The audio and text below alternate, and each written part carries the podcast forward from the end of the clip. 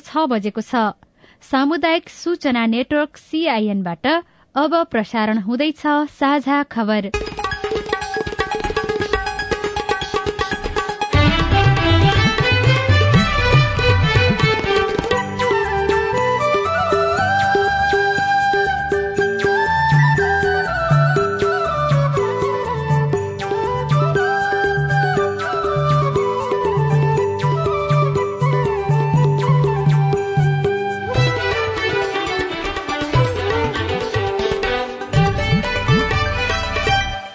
शुभ प्रभात यो सीआईएनको साझा खबर हो। स्नेहा कर्णसँगै राजन रुचालको तपाईँलाई स्वागत छ। सामुदायिक रेडियोबाट देशैभरि एकैसाथ प्रसारण भइरहेको साझा खबर सीआईएन खबर डट कम र मोबाइल एप सीआईएनबाट पनि सुन्न सकिन्छ।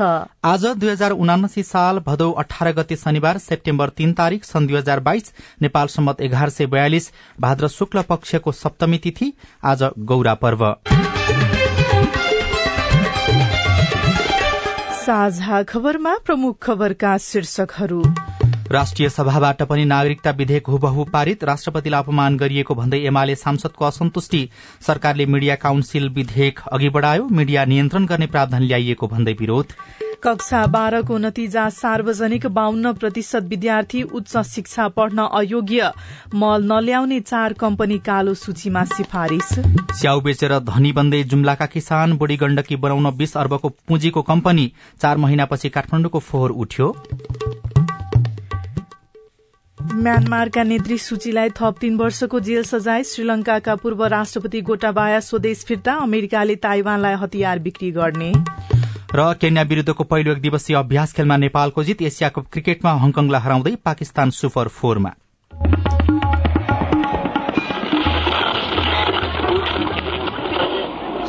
रेडियो।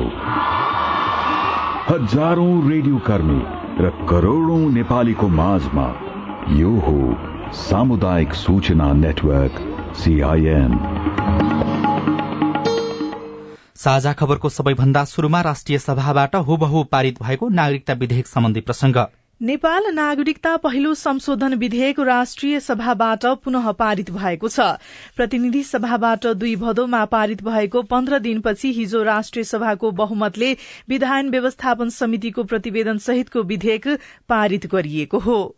गृहमन्त्री बालकृष्ण खाँडले राष्ट्रपतिबाट पुनर्विचारका लागि फिर्ता भई प्रतिनिधि सभाको सन्देश सहित प्राप्त विधेयक पुनः पारित गरियोस् भन्ने प्रस्ताव पेश गर्नु भएको थियो। एमालेको असहमतिमा राष्ट्रिय सभाको बहुमतले विधेयक पारित गरेसँगै ऐन बन्ने सुनिश्चित भएको छ। अब राष्ट्रिय सभाको सन्देश सहित विधेयक प्रतिनिधि सभामा आउनेछ। प्रतिनिधि सभाले सन्देश टेबुल गरेपछि सभामुख अग्निप्रसाद सापकोटाले प्रमाणित गरेर प्रमाणीकरणका लागि राष्ट्रपति कहाँ पठाउनुहुनेछ? दुवै सदनले दोस्रो पटक पारित गरेपछि अर्को पटक पुनर्विचारका लागि फिर्ता पठाउने संवैधानिक अधिकार राष्ट्रपतिलाई भने नरहेको संविधानविदहरू बताउँछन्। त्यसैले राष्ट्रपति विद्यादेवी भण्डारी यसलाई प्रमाणीकरण गर्न बाध्य हुनुहुनेछ। यसअघि सभामुखले दुवै सभाबाट पारित विधेयकलाई पन्ध्र साउनमा प्रमाणित गरेर प्रमाणीकरणका लागि राष्ट्रपति भण्डारी कहाँ पठाएकामा उनातिस साउनमा उहाँले पुनर्विचारका लागि सन्देश सहित फिर्ता पठाउनु भएको थियो। वैवाहिक अंगीकृतमा राज्य व्यवस्था समितिको सात वर्षे प्रावधान उल्लेख गर्न प्रादेशिक पहिचानको व्यवस्था उल्लेख गर्न र स्वघोषणाको प्रावधान सच्याउने लगायत पन्ध्र बुधे सन्देश राष्ट्रपतिले पठाउनु भएको थियो। तर एकतीस साउनमा सत्ता गठबन्धनले राष्ट्रपतिबाट राजनीतिक निर्णय भएको निष्कर्ष निकाल्दै जस्ताको तस्तै पारित गर्ने निर्णय गरेको थियो। सोही निर्णय अनुसार फास्ट ट्र्याकमा दुई भदौमा एमालेको असहमतिका बीच प्रतिनिधि सभामा मत विभाजन गरेरै बहुमतले पारित भएको थियो। त्यसको दश दिनपछि बाह्र भदौमा राष्ट्रिय सभामा पेश भएको विधेयकलाई सोही दिन दफावार छलफलका लागि विधान समितिमा पठाइएको थियो। समितिमा सरकारले राष्ट्रपतिको चासोलाई नियमावलीमा सम्बोधन गर्ने प्रतिबद्धताका साथ विधेयक हुबहु पारित भयो। विधेयकमाथिको छलफलमा सांसदहरूले दलीय अडान अनुसार आफ्नो विचार पनि राखेका थिए। राष्ट्रिय सभा सदस्य वामदेव गौतमले संसदमा प्रस्तुत भएको नागरिकता विधेयक हुबहु पारित गर्न नहुने धारणा राख्नु भएको थियो। सन्देशको एक नम्बर बुदाप्रति प्रतिनिधि सभाको विचार के हो? दुई नम्बर प्रति के हो? पाँच नम्बर प्रति के हो भनेर भन्ने त्यसरी विचार विमर्श गरेर त्यसलाई त्यत्तिकै सम्मान गरेर विचार पठाउन सकिन्न थियो। अनि राष्ट्रिय सभाको विधान समितिले पनि के त्यसै गर्न सक्दैन थियो। अनि जस्ताको तस्तै पठाउन मिल्थ्यो पर्थ्यो। त्यो आफ्नो अधिकारको मेरो विचारमा बौद्धिकतामाथि हमला छलफल गर्न पर्थ्यो। हरेक विषय मैले ती सन्देशहरू पढेको छु। कुनै पनि सन्देश बेठिक छैन। राष्ट्रिय सभामा विधेयकमाथिको छलफलका क्रममा एमाले पनि राष्ट्रपतिको समर्थन गरेको थियो। सांसद खिमलाल भट्टराईले राष्ट्रपतिले उठाएका विषयलाई गम्भीरताका साथ नलिनु राष्ट्रपतिको अपमान हुने धारणा राख्नुभयो। राष्ट्रपतिज्यूले असाध्यै संवेदनशील भएर खास गरी यो नागरिकताको विषयमा जुन प्रश्न उठाउनु भयो जुन सन्देशको रूपमा चाहिँ विधेयक उत्पत्ति भएको ठाउँमा उहाँले पठाउनुभयो संघीय संसदलाई सम्बोधन गरेर। त्यसपछि सत्ता गठबन्धनका नेताहरू सरकार प्रधानमन्त्री प्रतिनिधि सभाको सभामुख उहाँहरूले जुन ढंगको चाहिँ व्यवहार देखाउनु भयो यसले चाहिँ राष्ट्रपतिलाई संस्थाको रूपमा मानेको देखिएन। तर सत्ता पक्षले भने विधेयक पारित हुनुपर्ने बताएको थियो। आफूले गम्भीरतापूर्वक उठाएको विषयमा सम्बोधन नभएको पक्षलाई राष्ट्रपति भण्डारीले सहजै लिन नसक्ने अवस्था उत्पन्न भएको छ। यसैलाई आधार बनाएर राष्ट्रपतिको राजीनामा आउन सक्ने सम्मको चर्चा भइरहेको छ। राष्ट्रपति भण्डारीले राजीनामा दिए विधेयक प्रमाणीकरण उपराष्ट्रपतिले गर्न पाउने विषयमा पनि विवाद छ। राष्ट्रपतिको अनुपस्थितिमा मात्रै उपराष्ट्रपतिले आफ्नो अधिकार प्रयोग गर्न पाउने कतिपय कानूनविदको तर्क छ। राष्ट्रपति नहुँदा उपराष्ट्रपतिले राष्ट्रपतिमा निहित अधिकार प्रयोग गर्न सक्दैनन् भन्ने अर्का थरी कानूनविदले तर्क गरेका छनृ। सरकारले मीडिया सम्बन्धी विधेयक अघि बढ़ाएको छ। पत्रकारितालाई स्वतन्त्र मर्यादित र उत्तरदायी बनाउन सहयोग गर्ने भन्दै प्रस्ताव गरिएको नेपाल मीडिया काउन्सिललाई स्वायत्त निकाय होइन। दलका कार्यकर्ता भर्ती केन्द्र बनाउने गरी विधेयक अघि बढ़ाइएको हो। सर्वोच्च अदालतका न्यायाधीश बराबरको योग्यता भएको व्यक्तिलाई अध्यक्ष हुने व्यवस्था गरिएको छ। तर छनौट र बर्खास्तीमा संचार मन्त्रालयका सचिवको प्रमुख भूमिका हुने व्यवस्था गर्न खोजिएको छ। तत्कालीन प्रधानमन्त्री केपी शर्मा ओलीको पाला राष्ट्रिय सभामा पेश गरिएको यो विधेयकमा पत्रकारलाई दश लाखसम्म जरिवाना गर्ने र त्यस्तो अधिकार काउन्सिललाई हुने व्यवस्था राखिएको थियो। तर पत्रकार महासंघ नागरिक समाज र प्रेसबाट विरोध भएपछि राष्ट्रिय सभाले विधेयक संशोधन गरेको छ। राष्ट्रिय सभाले पारित गरेको विधेयकमा काउन्सिल अर्ध न्यायिक निकाय हुने र त्यसले जरिवाना गर्न सक्ने व्यवस्था हटाइएको छ। तर काउन्सिलको अध्यक्षलाई मन्त्रालयको सचिवप्रति उत्तरदायी हुने व्यवस्था गरिएको छ। विद्यालय तहको अन्तिम परीक्षा कक्षा बाह्रको नतिजामा बाहन्न प्रतिशत अर्थात एक लाख अठासी हजार चार सय दसजना विद्यार्थी नन ग्रेडिङमा परेका छन्। उनीहरू उच्च शिक्षा पढ्न अस्वीकृत भएका हुन्। तीमध्ये दुई विषयमा मात्रै नन ग्रेडिङमा परेका एक लाख तीस हजार आठ सय अठहत्तर अर्थात छत्तीस प्रतिशत परीक्षार्थीले भने असोज तीस र एकतीस गते ग्रेड वृद्धि परीक्षामा सहभागी हुने अवसर पाउनेछन्। उक्त परीक्षामा दुवै विषयमा कम्तीमा एक दशमलव छ जीपीए ल्याए उनीहरूलाई उच्च शिक्षा अध्ययनको ढोका खुल्नेछ। ग्रेड वृद्धि परीक्षामा सहभागी हुन अन्य विषयमा डी भन्दा माथिल्लो ग्रेड प्राप्त गरेको हुनुपर्नेछ। लेटर ग्रेडिङ पद्धति अनुसार प्रत्येक विषयमा सैद्धान्तिकतर्फ कम्तीमा पैंतिस प्रतिशत अंक प्राप्त नगरे एनजी उल्लेख गरिनेछ। राष्ट्रिय परीक्षा बोर्डले शुक्रबार लेटर ग्रेडिङ पद्धति दुई हजार अठहत्तर अनुसार कक्षा बाह्रको नतिजा सार्वजनिक गरेको हो। जुम्लाका डाँडापाखा यति बेला पाक्दै गरेको स्याउका कारण राताम्य भएका छन्। भदौ महिना लागेसँगै किसानहरू स्याउ टिप्न र बेच्न व्यस्त छन्। व्यापारीहरू गाउँ गाउँ पुगिरहेका छन्। जुम्लाको स्याउ काठमाडौँ नेपालगंज सुर्खेत लगायतका ठूला शहरमा पुगिरहेको छ।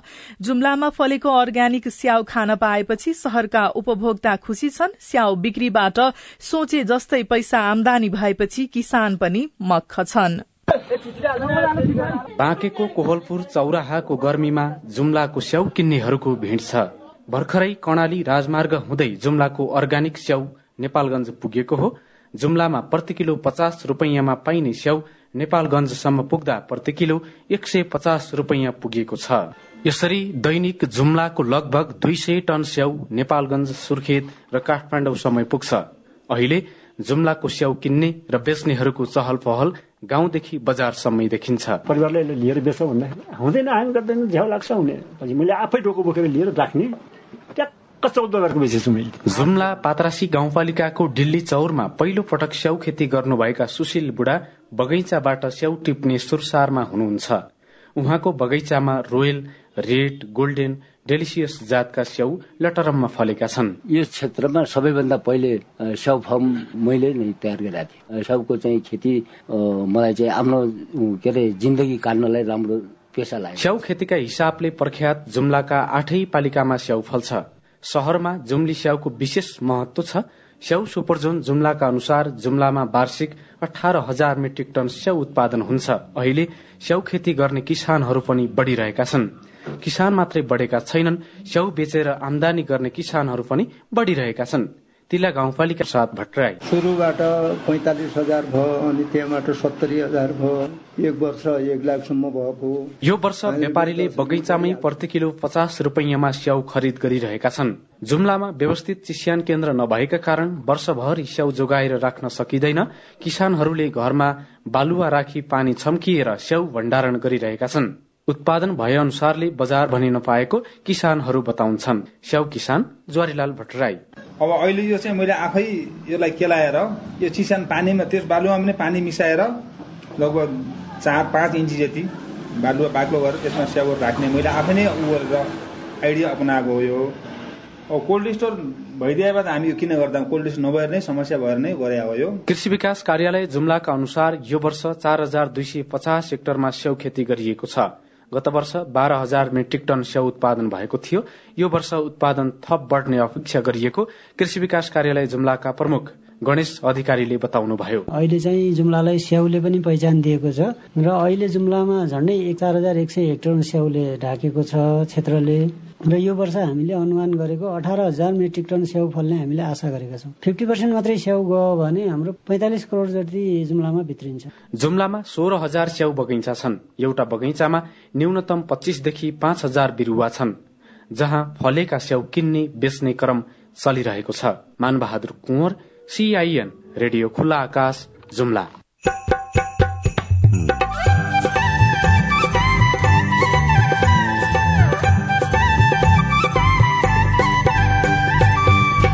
सामुदायिक सूचना नेटवर्क सीआईएन मार्फत देशभरि प्रसारण भइरहेको साझा खबरमा भान्साबाट निस्किने फोहोर छुट्याएर मल बनाउँदा कौशी खेतीलाई फाइदा?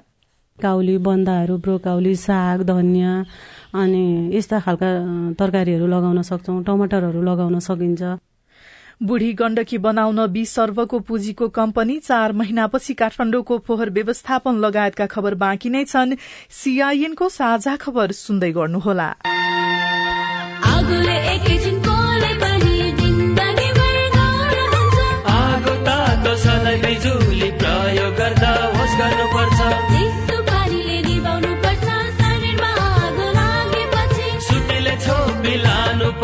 बिरामीलाई स्वास्थ्य चौकी नानी हुन्न भान्सामा तेल्लो तातो र बल्ने सामान हुन्छ। होस गरी ग्यास अग्निजन्य दुर्घटना भएमा शून्य एक पचपन्न पचपन्न छ आठ नौमा सम्पर्क गर्नुहोस्। बिबिएस नेपाल ललितपुर। मम्मी खाजा। मम्मी मेरो होमवर्क गर्ने कापी। बुहारी एकदम खुट्टा दुख्यो। बुहारी चिया खान मन लागेको थियो। बुढी कपडा मैलो भएछ। अरे मेरो परिवार। भर्खरै सुनेको संवाद तपाईँलाई कस्तो लाग्यो? यही संवादलाई फेरि एकपटक यसरी सुनौ न है। मम्मी खाजा आज म बनाउँछु। मिठो बनाउँछु है। मम्मी मेरो होमवर्क गर्ने कापी मैले खोजिसके। अब म होमवर्क गर्छु। बुहारी एकदम खुट्टा दुख्यो। छोराले तेल तताएर लगाइदिएपछि अलि आराम भयो। बुहारी चिया खान मन लागेको थियो। सबैको लागि बनाएको छु। आऊ सबैजना खान।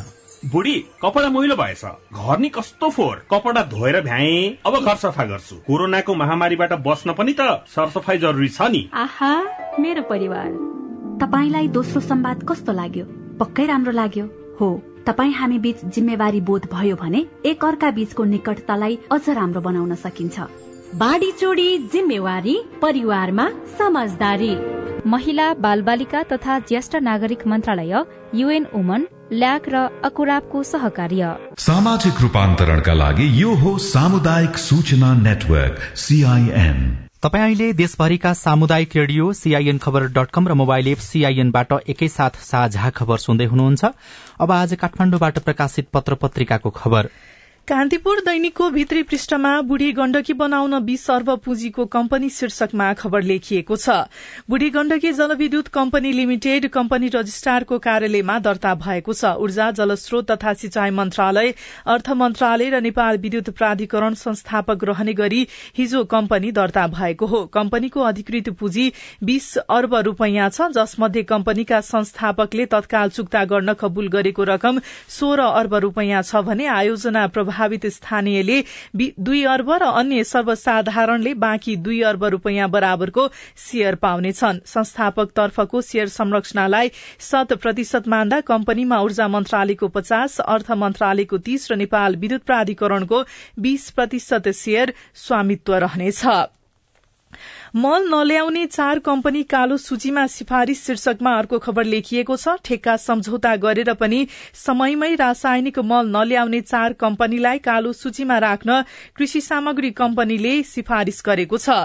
सिल्क जेभी देश ट्रेडर्स जेनट्रेड र सिल्क मार्केटलाई कालो सूचीमा राख्न प्रधानमन्त्री तथा मन्त्री परिषदको कार्यालय अन्तर्गत सार्वजनिक खरिद अनुगमन कार्यालयलाई कृषिले सिफारिश गरेको हो।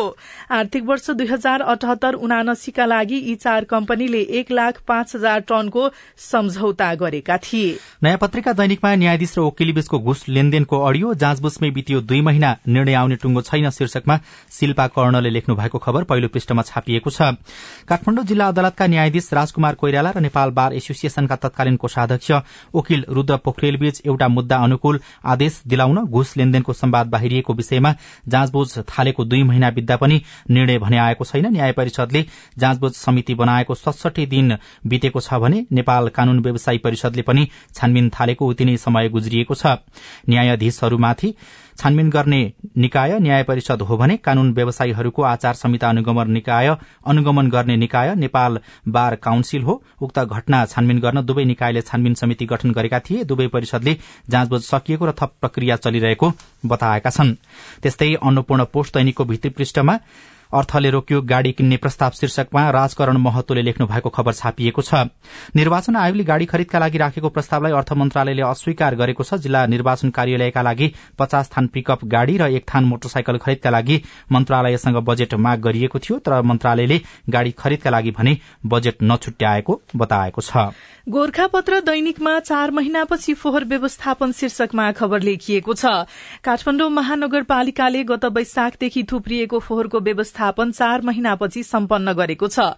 काठमाडौँ महानगरपालिकाका प्रवक्ता नवीन मानन्दरले करिब चार महिनादेखि महानगरको सड़क पेटी चोक र गल्लीमा थुप्रिएको फोहोर व्यवस्थापन सम्पन्न भएको दावी गर्नुभयो।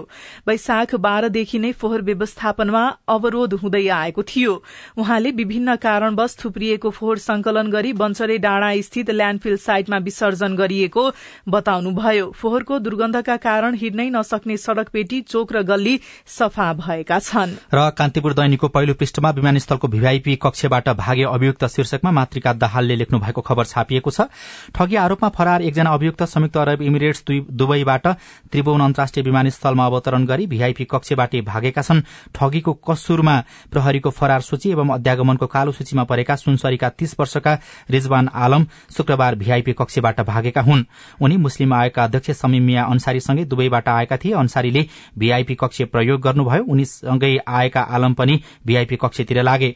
तर आलमको राहदानी कालो सूचीमा परेको भेटिएपछि अध्यागमनले प्रहरीलाई खबर गर्यो सुरक्षाकर्मीले नियन्त्रणमा लिन नपाउँदै भीआईपी कक्षको ढोकाबाटै भागेर उनी सम्पर्कविहीन भएका हुन्। अन्सारीसँगै राहदानी जाँच नगराई आलम भीआईपी कक्षमा प्रवेश गरेका थिए। विमानस्थलका प्रमुख अध्यागमन अधिकृत पुष्पराज शाहीले आलम भीआईपी कक्षबाट भागेर सम्पर्कविहीन भएको पुष्टि गर्नुभएको छ। साझा खबरमा अब हेलो सीआईएन सजना तिमल सिन्हाबाट।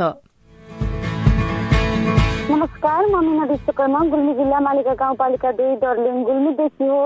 मेरो आमाको मेरो नागरिकतामा ठ्याक्कै दस वर्षले कम गरिएको रहेछ। हटाउनको लागि के गर्नुपर्छ होला? नागरिकतामा भएको यस्तो त्रुटि सच्याउन मिल्छ त?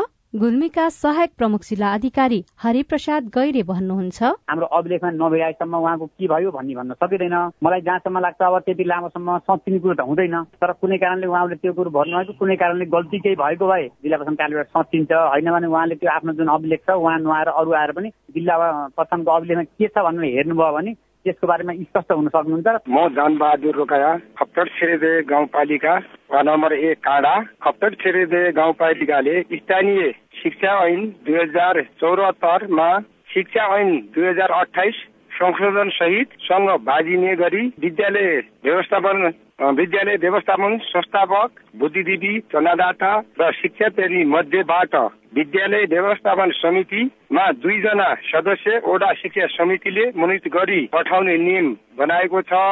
तर शिक्षा ऐन दुई हजार अठाइसमा ती दुईजना सदस्य दफा बाह्रको उपदफा क अनुसार छनौट भएका चारजनाले मनोनित गर्ने व्यवस्था छ। यस्तो अवस्थामा कुन नियम कायम हुन्छ? तपाईँको जिज्ञासा मेटाउँदै हुनुहुन्छ शिक्षा तथा मानव स्रोत विकास केन्द्रका प्रवक्ता डिलीराम लुइटेल। स्थानीय तहले शिक्षा सञ्चालन सम्बन्धी ऐन तथा नियमावली बनाउन पाउने प्रावधान छ होइन? तर के हो भने त्यो ऐन बनाउँदाखेरि सङ्घीय शिक्षा ऐनसँग चाहिँ बाजिनु हुँदैन त्यसैले बाजिएको हदसम्म चाहिँ सङ्घीय ऐनै लागू हुन्छ। नमस्कार म यता सङ्खुवा सभा खातबारी नगरपालिका वार्ड नम्बर दसबाट नवीन तोलाही। खातबारी नगरपालिकाले गरिब तथा विपन्न परिवारलाई रु दस हजार रुपियाँ दिने भनी सम्पूर्ण सम्बन्धित व्यक्तिहरूलाई ब्याङ्क खाता खोल्न लगायो। र ब्याङ्क खाता खोलेको पनि तिन चार महिना भइसक्यो। आजसम्म दिएको छैन। दिन्छ कि दिँदैन? जवाफ दिँदै हुनुहुन्छ खादबारी नगरपालिकाका लेखा अधिकृत रुद्रमणि श्रेष्ठ। माथिबाट पैसा आयो होइन? आइसकेपछि कोलेनिकाबाट निकासा समेत प्राप्त गर्यौँ हामीले हाम्रो खातामा ल्यायौँ। तर हामीले एकाउन्ट सेक्सनमा चाहिँ त्यो सम्पूर्ण डकुमेन्टहरू तलबाट प्रशासनबाट आउनुपर्ने सो आएन। नआएको कारणले गर्दाखेरि हामीले त्यो दिन सकेनौँ। यसमा चाहिँ सम्बन्धित तल शाखाबाट नै प्राप्त नभएको कारणले गर्दाखेरि चाहिँ हामीले त्यो भुक्तानी गर्न सकेनौँ र अब आगामी दिनमा केन्द्रले फेरि पैसा पठायो भनेदेखि हामी उपलब्ध गराउन सकिन्छ नत्र अहिले चाहिँ अघिल्लो वर्षको यो वर्षमा उपलब्ध गराउन सकिँदैन। तपाई जुनसुकै बेला हाम्रो टेलिफोन नम्बर शून्य एक बान्न साठी छ चार छमा फोन गरेर आफ्नो प्रश्न जिज्ञासा गुनासा तथा प्रतिक्रिया रेकर्ड गर्न सक्नुहुनेछ। साझा खबरमा अब विदेशका खबर। म्यानमारको सैन्य अदालतले अप्रजातन्त्रवादी नेत्री आङ सान सूचीलाई थप तीन वर्षको जेल सजाय सुनाएको छ। अदालतले सूचीमाथि चुनावमा धाँधली गरेको आरोपमा थप तीन वर्षको जेल सजाय सुनाएको बीबीसीले लेखेको छ। सूचीलाई हालसम्म विभिन्न एघार मुद्दामा बीस वर्षको जेल सजाय सुनाइएको छ। सूचीमाथि लगाइएको आरोपलाई मानवाधिकार कार्यकर्ताहरूले आलोचना गर्दै आएका छन्।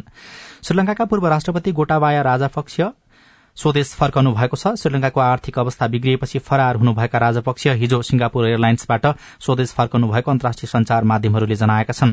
प्रदर्शनकारीहरूले राष्ट्रपति भवनमाथि कब्जा गरेपछि उहाँ मालदीप्स हुँदै सिंगापुर पुग्नु भएको थियो। सिंगापुर सरकारले एक महिना मात्रै बस्न अनुमति दिएपछि राजपक्ष स्वदेश फर्कनु भएको बताइएको छ। र अमेरिकाले ताइवानलाई एक दशमलव एक बिलियन डलर अर्थात एक खर्ब भन्दा बढ़ीको हतियार बिक्री गर्न स्वीकृति दिएको छ।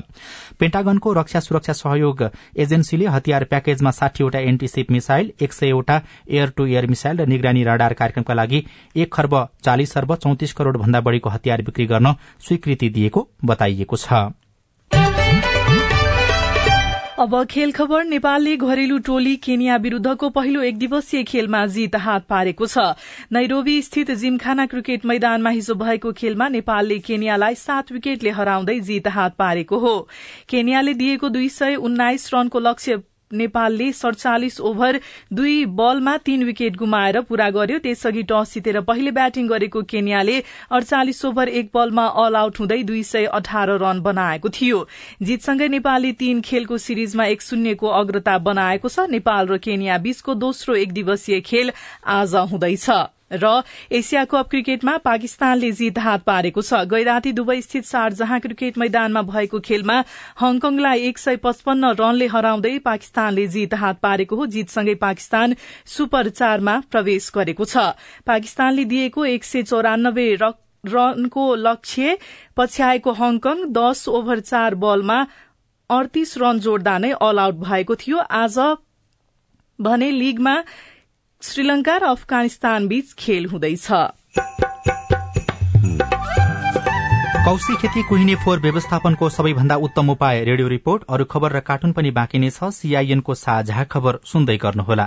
उठाउनु पर्ने आवाजहरू सदनमा उठाउनु भएको छ। तपाईँलाई धन्यवाद दिनुपर्ने हुन्छ। कानून निर्माणमा नागरिक सहभागिता सिद्धान्त र अभ्यास। पारित गरियोस् भन्ने प्रस्ताव दुई तिहाई बहुमत भन्दा बढी मतबाट पारित भएको घोषणा गर्दछु।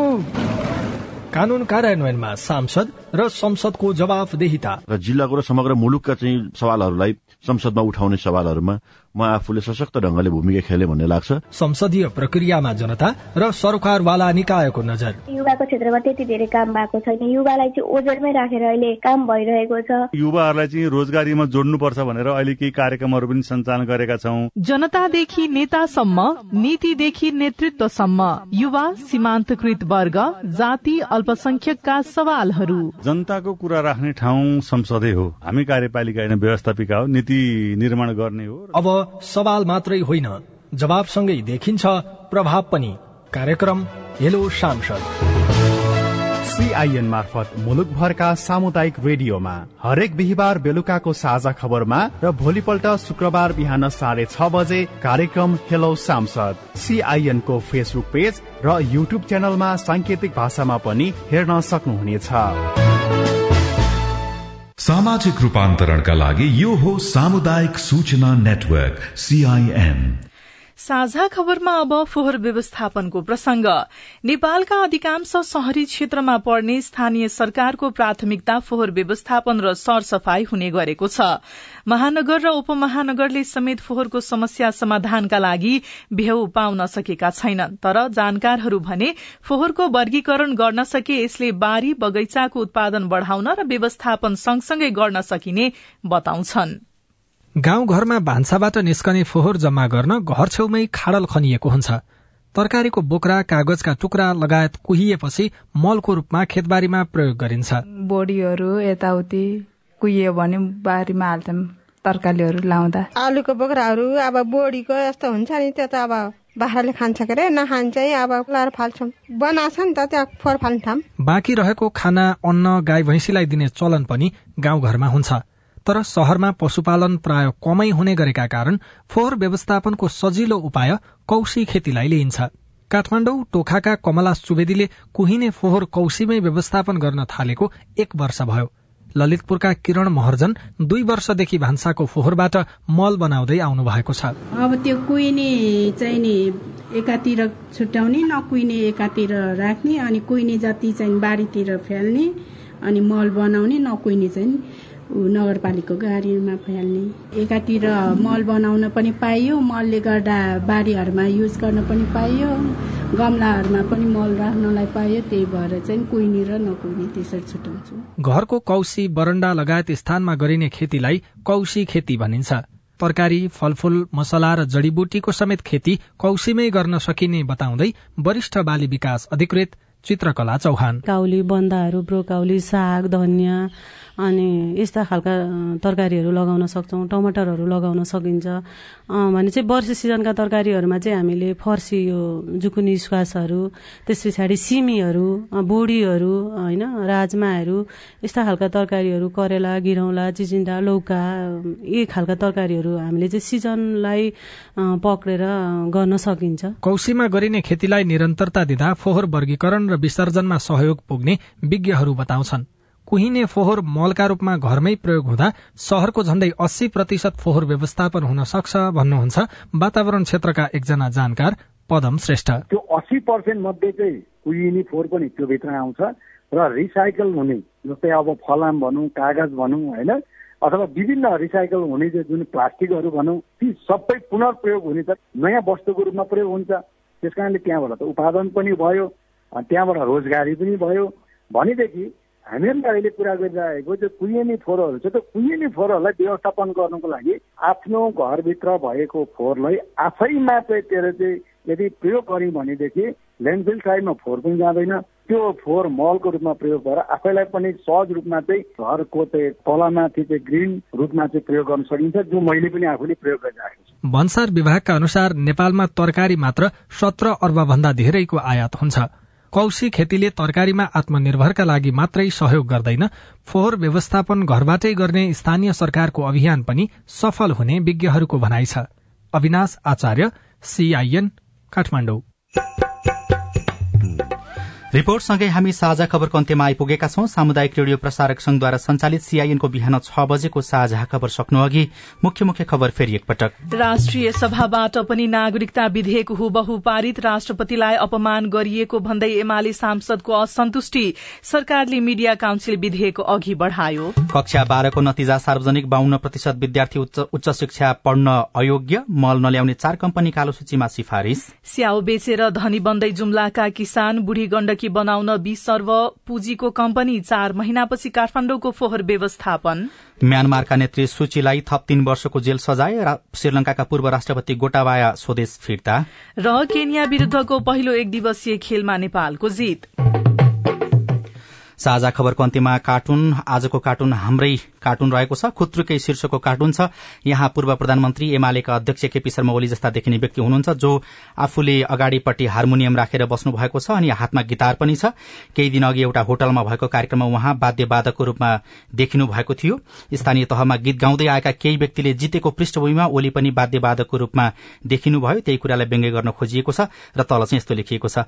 गीत नगाए त फेरि प्रधानमन्त्री हुन मुस्किल पर्ने देखियो त्यही भएर थालियो अब। हवस् त प्राविधिक साथी सुभाष पन्तलाई धन्यवाद। अहिलेलाई राजन रुचाल र स्नेहा कर्ण विदा भयो। तपाईँको आजको दिन शुभ होस् नमस्कार। यसपछि देशभरिका सामुदायिक रेडियोबाट कार्यक्रम सोधी खोजी प्रसारण हुनेछ। सुन्ने प्रयास गर्नुहोला।